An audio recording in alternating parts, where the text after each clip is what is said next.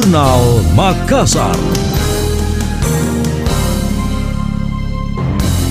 PT Vale Indonesia Tbk mengklaim berkontribusi cukup besar bagi penerimaan pajak daerah. Hal itu dipaparkan jajaran Direksi PT Vale Indonesia saat hadir pada rapat kerja Komisi C DPRD Sulsel. Senior Manager of Tax PT Vale Indonesia Chandra Yuda mengatakan pada 2021 pihaknya menyumbang pajak dan PNBP sebesar 142,9 juta dolar Amerika atau setara 2 triliun. Pajak tersebut berasal dari pajak-pajak daerah ke Provinsi Sulsel sebesar 9,9 juta dolar Amerika dan ke Kabupaten Luwu Timur sebesar 13,6 juta dolar Amerika. Sementara pajak-pajak dan PNBP dibagi hasilkan mulai dari royalti, land rent, serta PBB yang keseluruhannya mencapai 22,1 juta dolar Amerika. Peraturan perundangan pajak provinsi menjadi tidak lebih besar daripada Luwu Timur maupun dari pusat itu sendiri. Tapi ya itu sudah diatur seperti itu baik bahwa ya water levy atau pajak air, kemudian pajak kendaraan, kemudian pajak bahan bakar kendaraan bermotor. Nah itu dari tiga, tiga faktor yang ada di PT Vale yang menjadi penerimaan langsung Provinsi Sulawesi Selatan.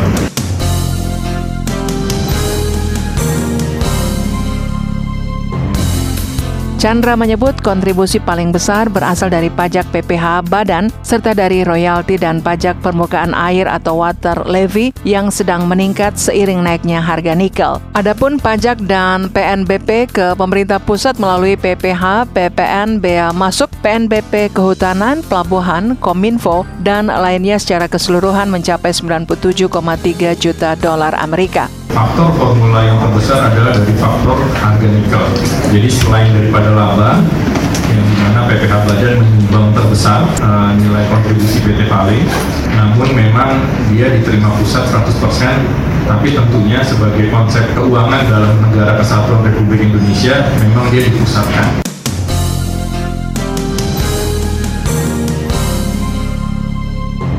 Tidak hanya dari sisi keuangan negara, kontribusi lain dari PT Vale yakni pembukaan lapangan kerja bagi masyarakat, termasuk program Corporate Social Responsibility atau CSR. Direktur Hubungan Luar PT Vale Indonesia Endra Kusuma mengungkapkan, saat ini jumlah karyawan tercatat hampir 3.000 orang. Sebagian besar merupakan masyarakat sekitar operasional PT Vale di Luwu Timur. Anda masih mendengarkan Jurnal Makassar dari Radio Smart FM.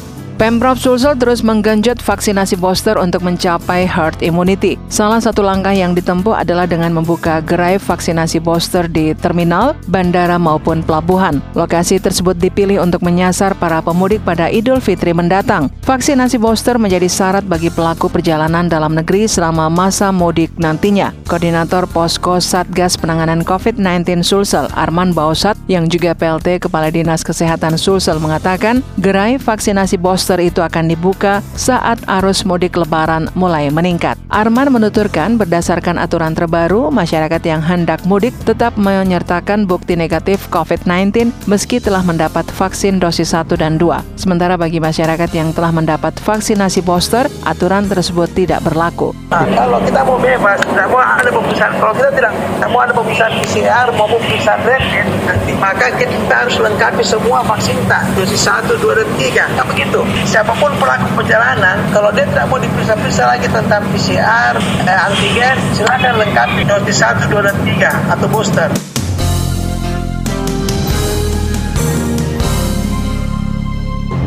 Sebelumnya data Dinas Kesehatan Sulsel menunjukkan persentase vaksinasi booster masih rendah, yakni 4,45 persen atau sebanyak 313 ribu orang lebih. Berbeda dengan capaian vaksinasi dosis pertama di Sulsel yang kini telah mencapai 87 persen, kemudian dosis kedua mencapai sekitar 62 persen.